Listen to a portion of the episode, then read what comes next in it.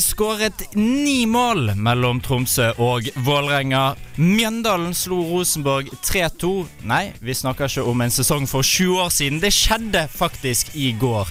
I går var det også andre semifinale mellom Bayern og Barcelona i Champions League. Vi skal selvfølgelig snakke om dagens mellom Real Madrid, Juventus og hva er det egentlig som skjer i Schalke 04?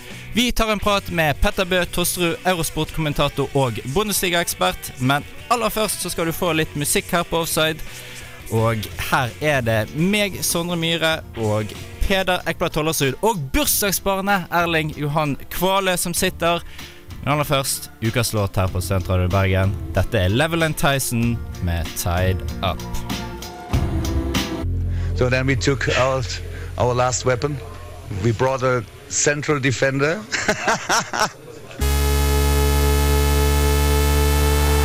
Jetzt kommt das Wunder von Dortmund. Schmelzer. Lewandowski jetzt mit der Flanke in die Mitte. Die kommt nicht schlecht. Thiemer. Reus. Reus in die Mitte. Wir machen rein. Tor. Tor. Tor. Tor. Tor. Tor. Tor. 3 zu 2. Utskjelte Santana. Santana. La desolación ahora para los muchachos del Málaga. Offside. Det er ikke bare i pornobransjen tyskerne kommer sent. Bayern München har gjort det for vane i år å eh, tape på bortebane i, eh, i sluttspillet i Champions League for å så slå stort tilbake igjen på hjemmebane. Det var også planen mot eh, Barcelona i går, og de gjorde en hederlig innsats, eh, Erling. De klarer det til dels, da. De går i hvert fall ned med flagget sånn halvveis til topps. Og de, eh, de gir Barcelona kamp til døra, men det holder ikke. Fordi Barcelona har Barcelona har X-faktor. Går det an å si det? Var dette kamp til døren, egentlig? Det ble Nei, dette 3-2 til Bayern det- München. Dette stoppa ved garasjen, altså. Langt før den der Ja, ok, jeg, inn, jeg innrømmer det, jeg innrømmer det men de ga aldri opp, da, i hvert fall. Det gjorde De de spilte- absolutt ikke. De spilte skal ha de honnør for det. de skulle- En omgang, gutter. Guardiola skal ha honnør for at han holder seg til sin filosofi og skal slå uh, Barcelona på å spille sin fotball. Dessverre så er Barcelona mye bedre enn Bayern München til å spille den type fotball i dag, og de har verdens beste angrepstrio, kanskje allerede, kan vi si, gjennom tidene. På den inngangen til eh, disse semifinalene gutter, var at vi hadde Bayern München mot Barcelona, de to lagene som så best ut i verden. Begge lagene hadde mulighet til å gå for the treble. Det har nå Barcelona fortsatt mulighet til, men Bayern München står igjen kun med ett trofé, nemlig ligatrofeet. Hvor, eh, hvor sviktet det? Altså, I fjor så var det jo det, det samme. Altså, da var jo Bayern München eh, ligamester i mars. Og så switcha det helt av. Det er ikke den samme tendensen i år, men de spiller jo uh, ikke det beste laget i Bundesliga. Og i uh, alle turneringer før kampen i går så hadde de fire tap på rad, var det ikke noe lignende? Eller fire poengtap på rad, iallfall. Så de, de kjører jo ikke inn laget som skal ut og møte Barcelona. De spiller uh, et rulleringslag i Bundesliga og får en dårlig opplevelse der med masse tap, og så går de inn i de viktigste kampene. Og så blir det rett og slett uh, Jo, det kan du si, overtatt det kan av Barcelona. Det kan du si, men altså Barcelona Nei, jeg mener Bayern München er ute. Uh, de to viktigste spillerne deres er ute. Og deres Messi i gåsetegn, Robben, er ute. Det er han som gjør det for dem når de trenger en som kan gjøre det lille ekstra. Når både han og Ribberi er ute, For- for en- så, så blir utgangspunktet utgangspunktet mye, mye vanskeligere. Jeg er helt enig at de gjør det, men poenget er jo hvem eh, som passer på den trioen til Barcelona. Altså, Boateng altså, dette, dette ble avgjort de siste 10 minu 13 minuttene i Barcelona. At forsvaret til, til Bayern München eh, gjorde som de har gjort på bortebane i Champions League i sluttspillet. De, de bare sa natta. Og Jerome Boateng, han uh, Jo, men Det var en jevn kamp i de siste 13 minuttene, og masse kunne skjedd i løpet av de første, første 79 minuttene. Ja, men det gjorde det ikke, for det skjedde de siste 13. Jeg tror at, jeg tror at Barcelona du hadde hatt et helt annet på. kampbilde om du hadde spilt med robberi der istedenfor Müller og Altså Hvem hadde ikke kommet til å savne robberi? Selvfølgelig er det et stort Ja. tap for Bayern, det sier jo seg selv. Men uh, Det er akkurat det jeg sier. Ja, Det sier seg selv at det er et stort tap, men det betyr ikke at dette ikke kunne vært taklet eller gått inn på på en bedre måte. Lære av feilene sine fra i fjor. Når du går og spiller ligaspill med et tilnærmet B-lag, for å så bruke et A-lag som da ikke har spilt sammen på mange uker, og et lag som da har tapt tre-fire kamper eller tapt poeng i tre-fire kamper i strekk, så skal du gå og prestere på toppnivå mot verdens beste lag, som sitter og har 18 seire på, på rad i La Liga eller noe lignende. Da har, da har du et mye dårligere utgangspunkt enn hvis du hadde eh, gått eh, med det beste laget hele sesongen opp mot disse kampene. Men hvis, hvis vi går tilbake igjen til kampen i går, gutter, så eh, tok Bayern München ledelsen 1-0 etter seks minutter. Og så skrudde MSN på eh, maskineriet. Var dette noen gang spennende, egentlig? Det var jo spennende da Benatia hedda inn 1-0, da. Så ble du 1-1 etter fem-ti minutter etterpå. Ja, men de ti minuttene var jo spennende. Nei, de var, de var i realiteten aldri spennende, spør du meg, og jeg tror eh, Nesten uansett hvordan du Spørsmålet vrir mitt, og vender på det. spørsmålet mitt er jo hvor god kontroll hadde Barcelona på dette? Jeg tror de hadde ganske god kontroll, men på en annen måte så ser du at Enrique han viker jo fra sine, sine metoder og sine, sin filosofi. Hvor han liksom prøver å legge laget dypt eh, etter den 2-1-skåringen kommer. Og Barcelona takler ikke å ligge dypt. Synes jeg jeg syns ikke Ja. de, jeg synes de eh, så helt avskrudd. Det kan ha noe å gjøre med at de i hodet allerede var videre, men Barcelona kunne de ha taklet ikke å være avskru... Altså, de taklet ikke å ligge dypt og forsvare seg. Barcelona kunne ha tatt poeng og kanskje vunnet denne kampen hvis de hadde vært på hele tiden, Eh, men de valgte å legge seg dypere, sette inn på, på uh, Mathieu eh, Sa og Savi, eh, og da fikk Bayern eh, totalkontroll. Men eh, det gårsdagen skal ha, den var fryktelig underholdende. Masse deilige mål. Lewandowski sitt spesielt var min favoritt. Den var helt sjuk. Poeng hadde de vel ikke tatt, men videre til finalen i Champions League er i hvert fall Barcelona. Den andre finalisten, det skal vi få svar på i dag. Sails it in. Beautiful pouncing header right over the top. Here, Fazio cannot do anything. And Sergio Ramos gets a nimble erection. like to say I'm excited. I don't know if I'm as excited as he is. 2-2 the score. Well, that's what his body language was telling me. Offside. Det er lett å la seg bli opphissa av god fotball. Skal Juventus gjenopprette Italias ære, eller skal Real Madrid være det første laget eh, noensinne som har vunnet Champions League to år på rad? Det er det som er spørsmålet i dag. Juventus har fordelen, 2-1 fra hjemmebane. Men spørsmålet er jo nå på Santiago Bernabeu hva som kommer til å skje, Peder. Hva kommer Real Madrid med? Kommer Juventus til å parkere bussen? Hva skjer på Santiago Bernabeu? Det er veldig vanskelig, selvfølgelig veldig vanskelig å si. 2-1 til, til hjemmelaget er jo den nærmeste du kommer 50-50, sånn som bortemålsregelen fungerer i dag, syns jeg. Eh, og det Juventus må jo spille typisk italiensk for at dette skal gå. Eh, det som er spennende med Juve, er at eh, Paul Pogba han er eh, helt friskmeldt av legen. Han er 100% han kan starte om Allegri vil det. Og det håper jo vi at han gjør, at han får sjansen til å skinne på, på Bernabeu. Real Madrid er kan vi kalle det formdupp? Jeg vet ikke. Men eh, de er iallfall ikke så gode som eh, Barcelona, og det er jo der standarden ligger. Eh, og de har problemer litt innad med Gareth Bale og Angelotti sin fremtid er usikker og sånn. Så eh, det, Juve, hvis Juve noensinne skulle slå Real Madrid, så er det i kveld. Men Paul Pogba har vært ute lenge, Erling. Ja, Han kom vel inn nå i helgen og har ikke spilt fotball på lenge før det, så han kan jo være kamprusten. og Det kan jo Det kan jo ha noe å si for kampbildet, det, men uh, jeg tror likevel det som blir mest avgjørende her, er at uh, Real Madrid ikke har noe defensivt fiber i den, uh, def den defensive midtbanen med tilstrekkelig kvalitet.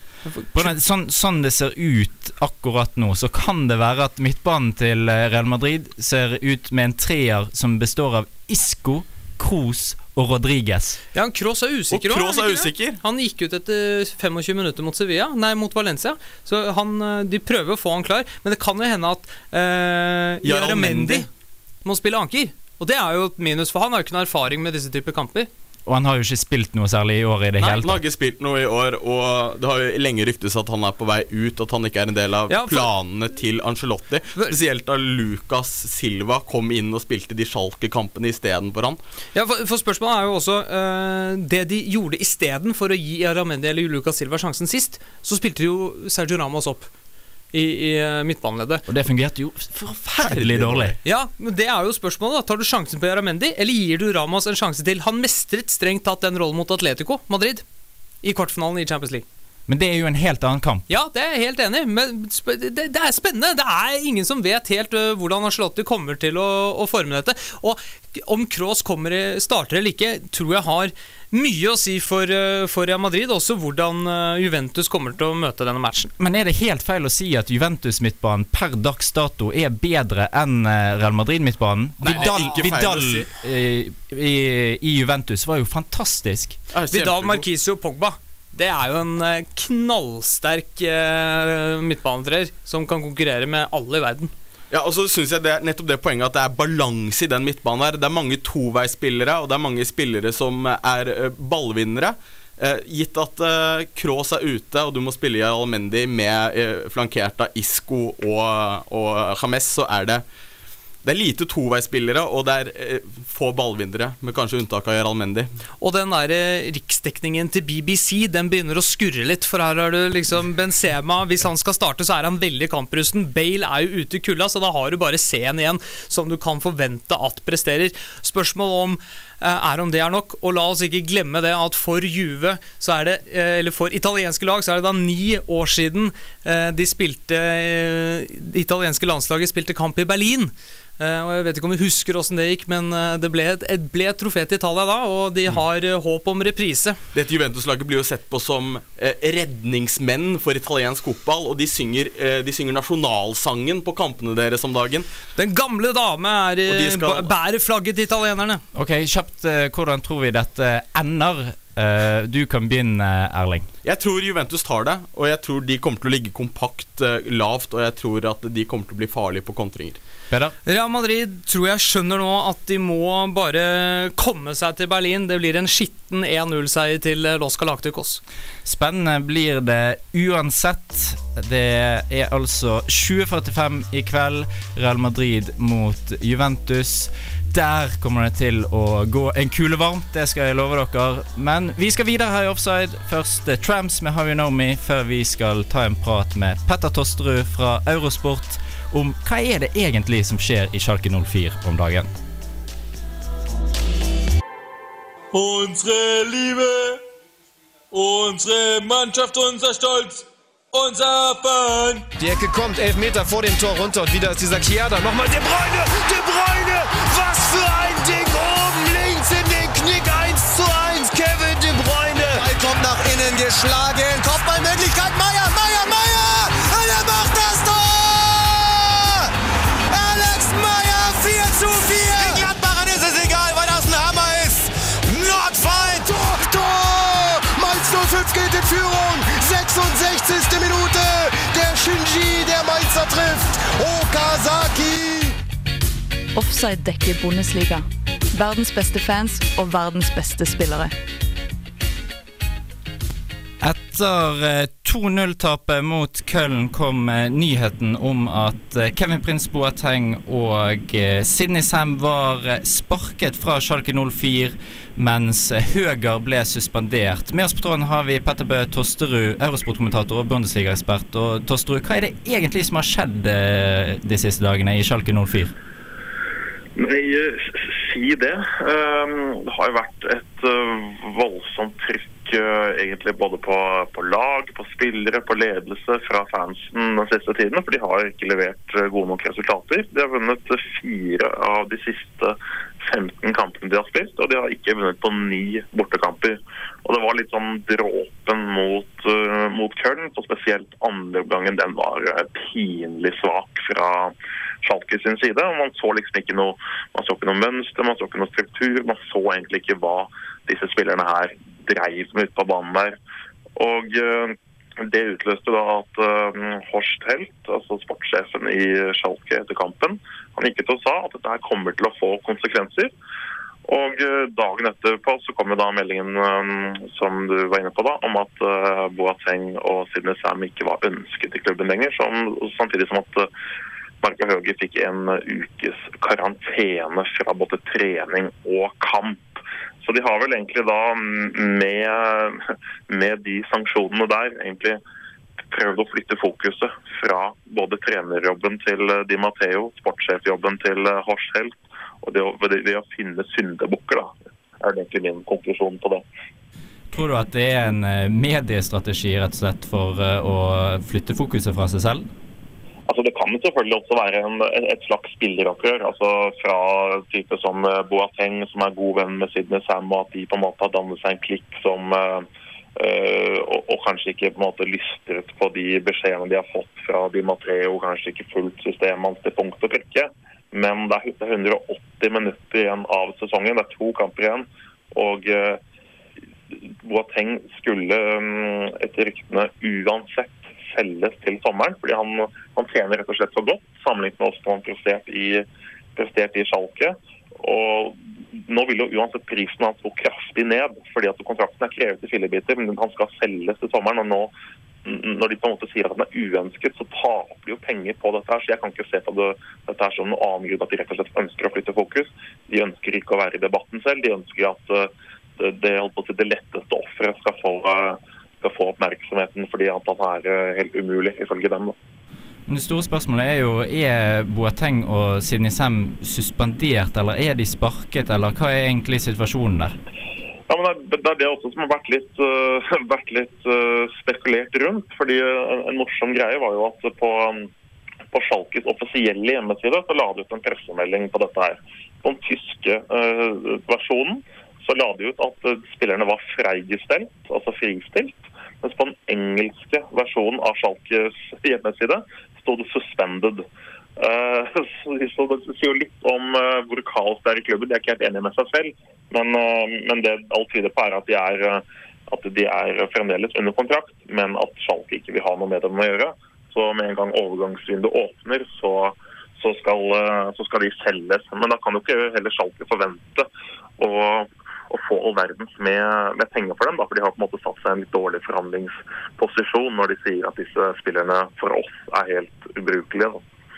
Hvem er egentlig denne sportssjefen eh, Horst Helt? Eh, Er han en flink mann, eller er det en mann du har inntrykk av at kan eh, være litt kjapp i vendingene? Er jo litt vanskelig å, å vite sånn egentlig en, uh, hvordan en sportssjef uh, jobber, for vi vet jo ikke akkurat uh, hvordan det er i det daglige og sånn. Men det er i hvert fall en mann som kom inn etter at Felix Magath fikk, fikk sparken for ja, fire-fem år siden.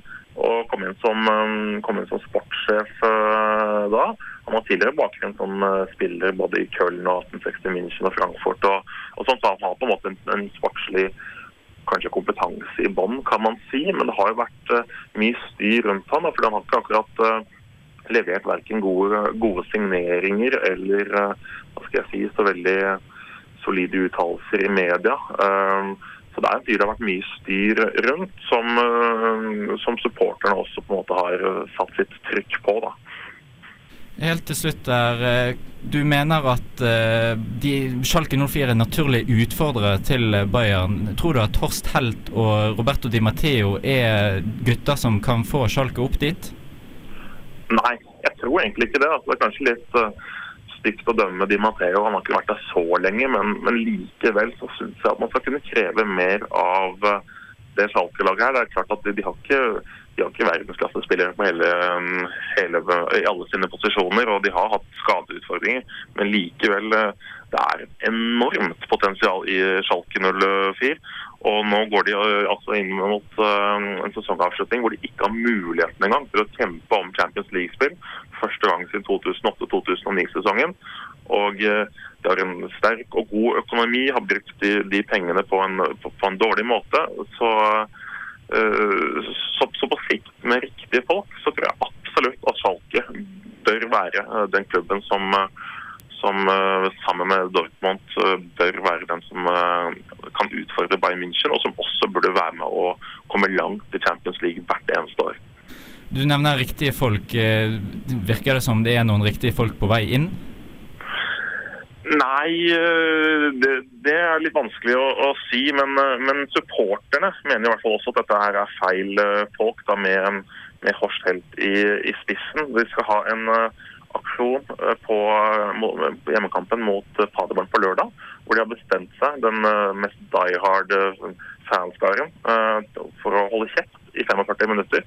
Fordi at de føler ikke at den jobben supporterne gjør, med at de støtter laget, reiser rundt i hele Tyskland, lager TIFO og bruker sine sparepenger på dette her, ikke står i stil da, til, eh, til det eh, klubben uh, gjør. De mener at uh, utviklingen på klubbsiden og ledelsessiden ikke har vært uh, god nok de siste årene.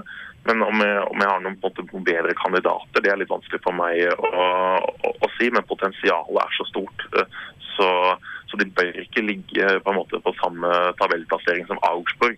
Augsburg har gjort det fantastisk, det er ikke det. Men, men ressursene er liksom uh, Schalke har fire ganger så mye penger og fem ganger så mye folk på kampene omtrent.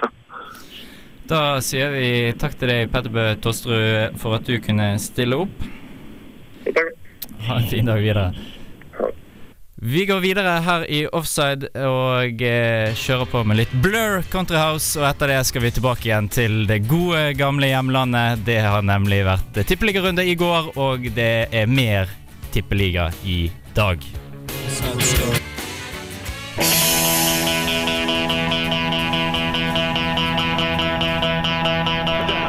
Drogba, who this time is the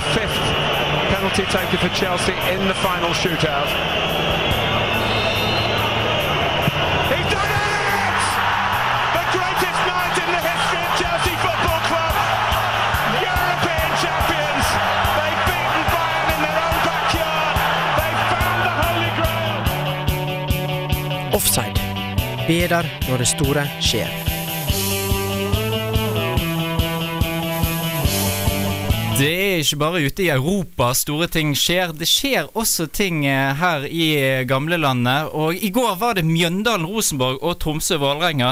To kamper som vi på forhånd kanskje tenkte skulle bli litt kjedelige og eh, litt forutbestemte.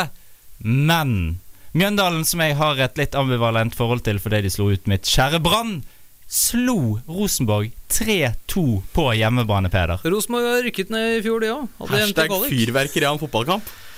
Men eh, Mjøndalen, hvor imponerende er de, gutter? Jeg syns det er helt vanvittig imponerende. Dette er en klubb som var i tredjedivisjon Nei, andre, andre tredjedivisjon for hvor mange år siden? Ikke så veldig mange år siden, i hvert fall. Og så har de liksom kommet seg opp uten å ha de enkeltspillerne som kanskje skinner mest, men det er et kollektivt som jobber sammen, og det er utrolig imponerende at de har kommet så langt bare på å være et kollektiv, syns jeg. Ja, de har jo da, etter at de rykket opp uh, i fjor, så bestemte de seg for å forlenge alle kontraktene til spillerne som var med å rykke opp. Og det er jo ekstremt imponerende at disse spillerne da gjør denne bragden mot Rosenborg, ubeseiret i serien hittil i år. Eh, og du har da denne Bernstein, som eh, nesten ble fristilt av Mjøndalen for, for et par sesonger siden, kommer nå og skårer to mål på lekkert dødballvis. Mjøndalen spiller den fotballen Mjøndalen vil spille, og det fungerer som hakka møkk. Det fungerte som hakka møkk i Obos, Obos, og det fungerer som hakka møkk i Tippeligaen. Og ikke bare det, Erling. De lå under 2-0. De lå under 2-0, og Det sier jo litt om hva slags moral som finnes i det laget. da Bare For å spille litt videre på han der Bernstein. For et par år siden Han øh, skulle egentlig ut Han var ute hele fjorårssesongen og kom inn helt til slutten pga. skadeproblemer mot Brann og spilte en ålreit figur.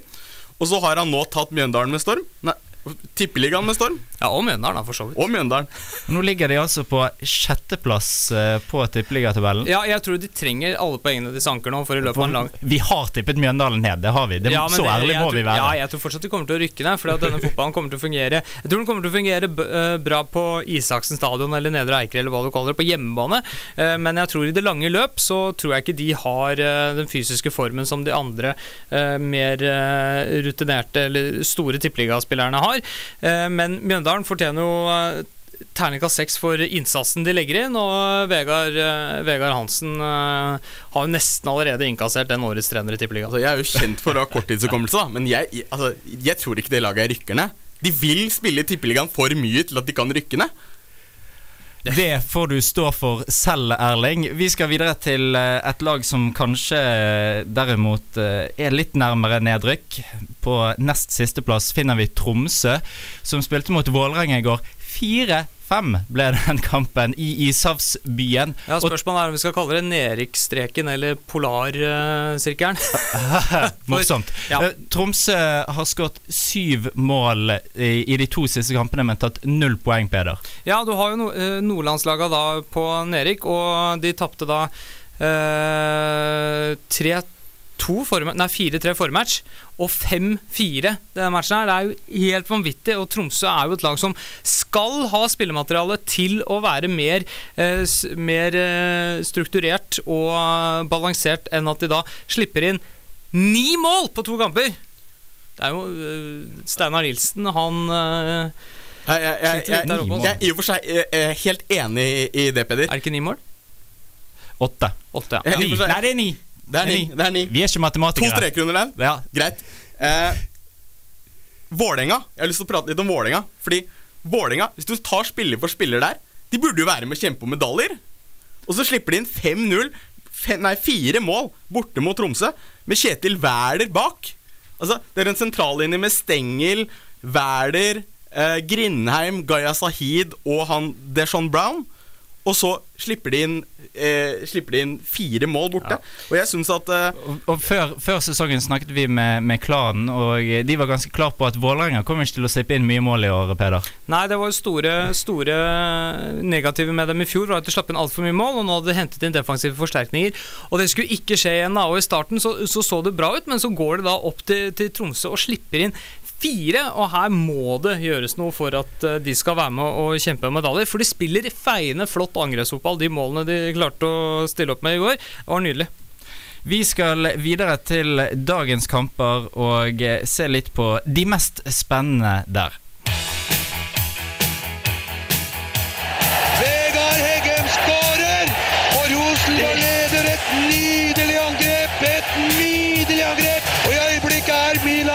Slått i bakken, og Vegard Heggem er Utrolig modig gjort av Vegard Heggem, som vinner duell med to Milan-forsvarere pluss Rossi på 2.15. det er 3.15, se her! Romerike står ikke for fall akkurat i øyeblikket, men det er pinadø ikke mye om å gjøre. Offside, for oss som husker da norske lag spilte på onsdager. Oi, oi, oi, vi spiller jaggu meg kamper på onsdager også, men eh, i Tippeligaen dessverre ikke i Champions League. Men i dag så er det et par spennende kamper eh, klokken seks. Kanskje den som peker seg mest ut, er Odd Grenland Eller ikke Odd Grenland, som det heter. Odd heter Odds det nå. ballklubb. eh, mot Strømsgodset. To lag som vi, vi tenkte før sesongen skulle være med der oppe og kjempe om, om medaljer, men som eh, kanskje ikke helt har innfridd ennå, Peder. Eh, nei, altså det er jo eh, nummer tre mot nummer fire i fjor, er det ikke det? Hvis jeg ikke tar helt feil. Eh, og de skal jo være der i år igjen. Uh, Strømsgodset, David Nilsen, han legger jo litt om, prøver å tenke litt nytt. eh, og det kan jo vise seg Det vil jo uansett ta litt tid før det spillet blir eh, implementert. Og så får vi se om det, om det bærer noen frukter. da. Eh, men de spiller for mye uavgjort, Godset, og det er de nødt til å gjøre noe med. Eh, og borte mot Odd den kampen skulle de ikke trenge å vinne. Altså De skulle ha gjort det så bra før de kom til, til Skien at eh, de bare skulle ta den som bonus, for det er en veldig vrien match. Og Fagermo har jo definitivt som målsetning å, å ende høyt på tabellen, så her er det tre poeng som gjelder for begge lagene. altså. Hvis, hvis Gods taper her, eh, Erling, så står de med ni poeng på åtte kamper. Og de har bare vunnet to? Ja, det er jo helt vanvittig. Nei, altså, Strømsgodset, de eh, Altså, hva skal jeg si? Det virker som om de er en sånn gjeng med umodne juniorspillere. Som, eh, som ikke klarer helt den der overgangen til scenen. For det er masse flotte detaljer og masse flotte spillere i det laget. Sånn som Iver Fossum og Gustav Vikheim utro, har vært utrolig gode i år. Men eh, det, er den, det er ikke den helheten da, som vi så under Ronny Deila. Hvis vi går videre til eh, Bærum og Asker, så har, tar Stabæk imot eh, Sandefjord. Og Altså, eh, ikke- der- Mange bæringer som ja, blir sur på deg nå, jeg tror Sondre. ikke du kan ta Bærum og Asker i samme kam, altså. Men uansett, Stabæk tar imot Sandefjord, gutter. Stabæk ligger på andreplass i, i Tippeligaen. Hvor imponerende er Bob Bradleys menn? Ja, igjen. Altså, Bob Bradley gjør en kjempejobb. Eh, Stabæk er, er imponerende. Altså, I år som i fjor, dømt nord og ned, og presterer over evne. Det sier jo masse om eh, evnen til Bob Bradley, og vi kjenner jo hvordan amerikanerne i, i turneringen alltid klarer den her team spiriten og never say die-attituden, og den får eh, Bob Bradley ut i Stabæk. Og så har du jo også spennende spillere, altså Diomande, Asante, denne Ganassi, eh, som da presterer på topp nivå i dette kollektivet som, eh, som Stabæk har. Eh, og så er det også viktig, for Stabæk må jo regne med å falle litt bakover etter hvert, og når eh, lag rundt dem eh, som også er tippet på Neriksson, sånn som Sandefjord og Mjøndalen, presterer bra, så er det veldig viktig for Stabæk å hente så mange poeng som mulig. Og den kampen her mot Sandefjord tror jeg i det lange løp kan vise seg å være veldig viktig. Det jeg også synes er veldig imponerende med Stabæk, er at de, de, de slipper ikke inn mål. De har sluppet inn tre mål på de, siste, nei, på de første syv eh, kampene, Erling. Minst i ligaen. Men så har de bare skåret også ni. Men står likevel med 16 poeng, altså. De er, de er tette bak. Den hjemvendte sønnen Sjøensberg er jo, er jo tilbake eh, bak for Stabæk, og du ser at han er en, en sjef som ruver i det forsvaret der. Og så har du en ivoriansk landslagskeeper på eh, Ja, det, er, det, det er også et poeng, ja. Følg, eh, følg med på eh, Tippeligaen i dag. Ta det som et forspill til eh, Real Madrid-Juventus. Alle kampene begynner klokken seks og er ferdig til Champions League begynner. det er vørterøl før du går løs på champagnen. ass. Vi skal litt videre her i Offside etter at vi har dratt litt på Hoggorm-safari, der vi tar livet fatt, så skal vi kjøre utfordring. Offside presenterer ukens utfordring. Hør, hør nå. Hør på spissene til Henrik Langen Jensen. det er jo det jeg vil. Liam Pjok, Liam Pjok. Nå kom du på Leon Liam Pjok. Ja, ja, ja. Ja, men da Ja, ok, ja. Det er Kagagwa som er Kagagwa. Ja, men herregud. Nei, du får ikke for Monir Amori igjen. Men det er da Shola og Sammy Amyobi på topp. Så jævlig dårlig. Det er så dårlig. Å nei, å nei, å nei. Like godt spilt uten spisser.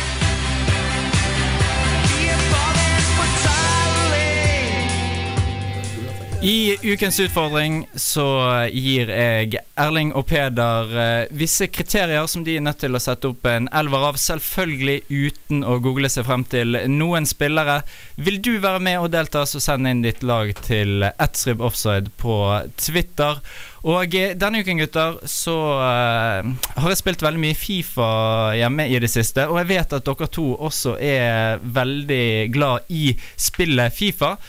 Så denne ukens utfordring er å sette opp den beste elveren av spillere som har en rating på Fifa under 80. Det vil si 79 og lavere. Jeg kan si at det er veldig, veldig mange spillere å ta av, så her gjelder det å finne de beste og å vise sin Fifa-kunnskap. Er utfordringen forstått? Ja. Ja, men ja.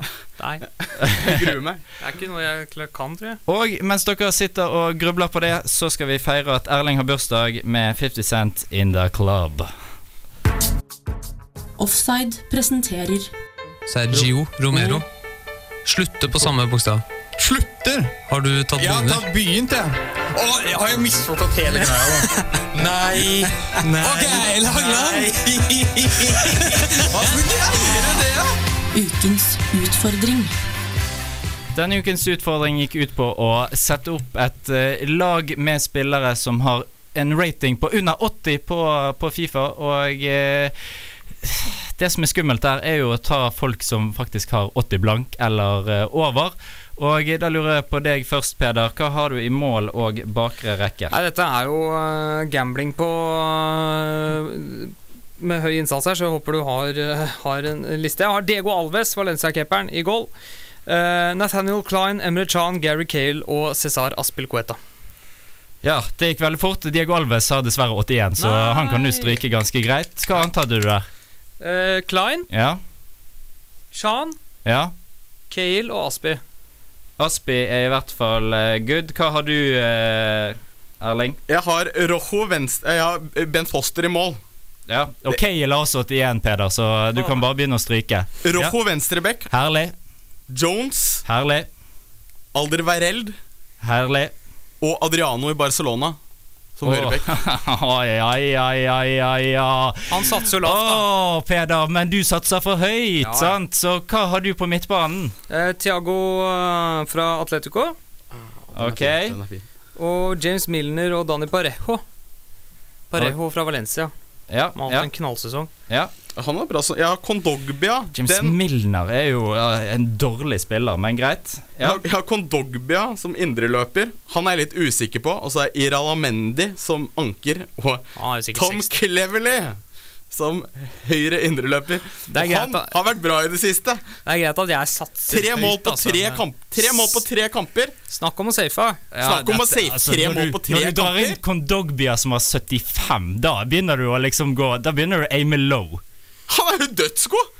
Han er ikke dødsgod, Erling. Mann vil ha en seier. Du får la han satse som han vil. Ja, Peder, hva har du på topp? Uh, uh, jeg har Max Kruse bak Aubameyang og Carlos Bacca.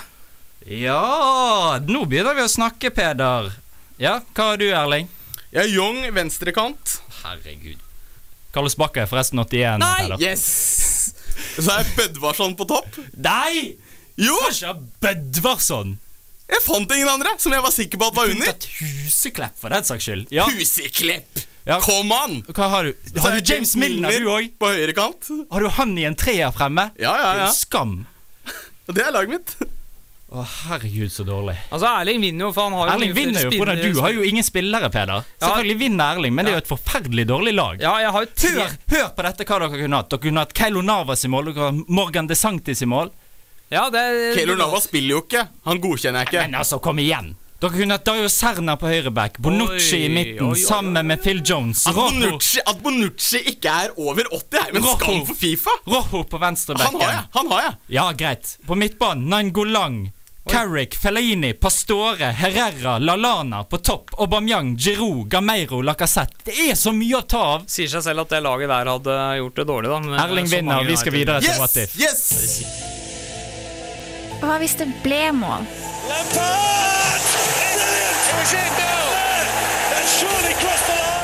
Hva hvis han ikke sklei?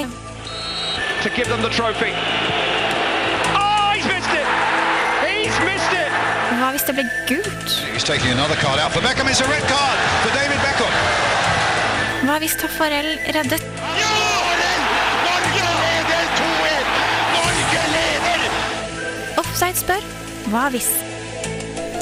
I Hva hvis så ser vi for oss eh, at eh, noe som skjedde i historien, fotballhistorien, ikke skjer, og noe annet setter vi inn istedenfor. Denne uken så har Peder sett på seedingregler.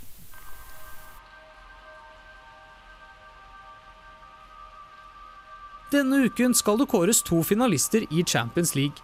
I løpet av tiden har turneringen ekspandert i antall lag, og dens renommé som verdens beste og mest prestisjetunge klubbturnering har etablert seg i fotballverden. Neste år tar turneringen nødvendig grep for å gi en ekstra fordel til det turneringen egentlig handler om mestere. Serievinnerne fra de syv best rangerte ligaene i verden, pluss fjorårets vinner av Champions League, vil være førstesidet til trekningen av gruppene. Til nå har de beste lagene, uavhengig av tabellposisjon i hjemlig liga, blitt sidet til pott igjen. Og de nye mesterne, hvis de har hatt ingen nevneverdig erfaring fra europeiske turneringer, som skjer en gang i ny og ne, de risikerer å komme i pott 4, som er den dårligste potten. Dette har vi sett flere eksempler på de siste fem årene, i form av Manchester City, Borussia Dortmund og Atletico Madrid. Og sånn skal det åpenbart ikke være i en mesterliga. Still just 20 goals conceded, and they might get another goal for themselves. Here they do! Robert Lewandowski! De nye reglene er hjertelig velkomne, men kommer altfor sent, og har muligens sørget for at laget har fått litt vel tøffe grupper. Vi snakker om Manchester Citys europakompleks, men hadde de vært førstesidet, hadde de etter all mulig sannsynlighet havnet i særdeles enklere grupper enn f.eks.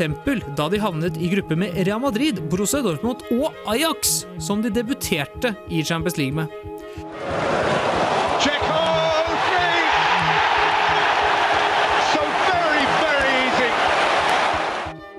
Det jeg har giddet å gjøre denne uken, er jeg har satt meg ned med koeffisienttabeller, gruppespillstrekning, sluttspillstall, you name it, og til sammen har jeg prøvd til beste evne å svare på spørsmålet.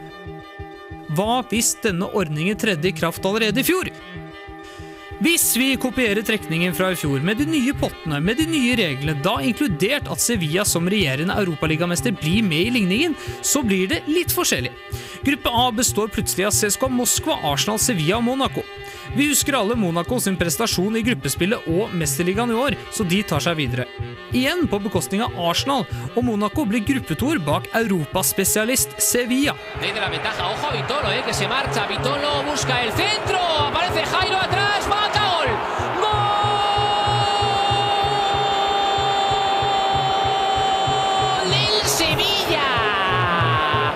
Manchester City havner som førstesidet i gruppe med Porto, Olympiakos og Roma. De tok jo Roma på ekte, og det gjør de her òg, og blir gruppevinner foran Porto. City møter så Schalke i åttendedelsfinale og kommer til kvarten. Her ryker de ut for Barcelona, sånn som de gjorde på ekte i åttendedelsfinalen. Men kvartfinale må sies å være en suksess for City og Pellegrini i Europa. Here's Messi. Manchester City backing off. Oh, what a pass and what a goal. Tapped in with no problem at all by Rakitic. De beste er best, uansett hvordan du vrir og vender på det, og vi sitter igjen med tre av de samme fire i semifinalen. Hadde endringene blitt gjort i fjor og trekningen vært identisk, så hadde Real og Bayern møttes allerede i kvartfinale, og derfor hadde en av dem røket ut der. Hovering around the six-yard box. And headed down and in.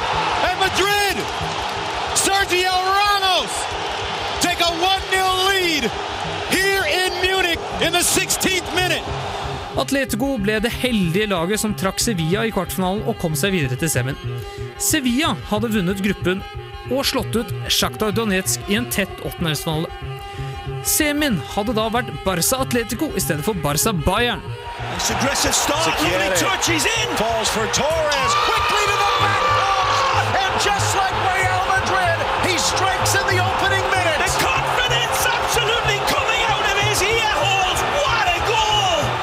Konklusjonen er dessverre dørgende kjedelig, og mine timer med notering og knoting var forgjeves. Stort sett ingenting hadde blitt mer spennende eller noe annerledes. De beste lagene i Europa vinner sine kamper uansett hvem de møter. Og da sitter du med de samme lagene når alt skal avgjøres. Sorry, sånn er det bare. Men de nye reglene tas uansett imot med åpne armer. Min undersøkelse derimot konkluderer vel med at de nye reglene ikke kommer til å endre så veldig mye hva gjelder utfallet. Hva hvis lovendringen hadde tatt i kraft i fjor? De beste hadde fortsatt vært best. Og Johannes med fri, også på bakerste. Og hvem andre? Hvem andre enn Cristiano Ronaldo bringer balanse i regnskapet?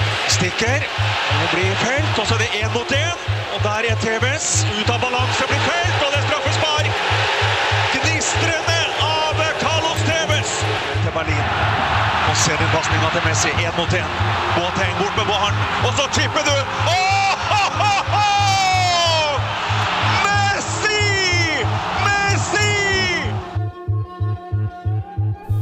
De beste hadde fortsatt vært best, eh, konkluderer eh, Peder Ekblad Tollersrud. Og med det sier vi takk for i dag. Takk til vår gjesteprodusent Truls Lier. Hør på oss gjerne igjen på fredag. Og med det sier vi ha det bra. Nå skal jeg hjem og spille Fifa mot Peder.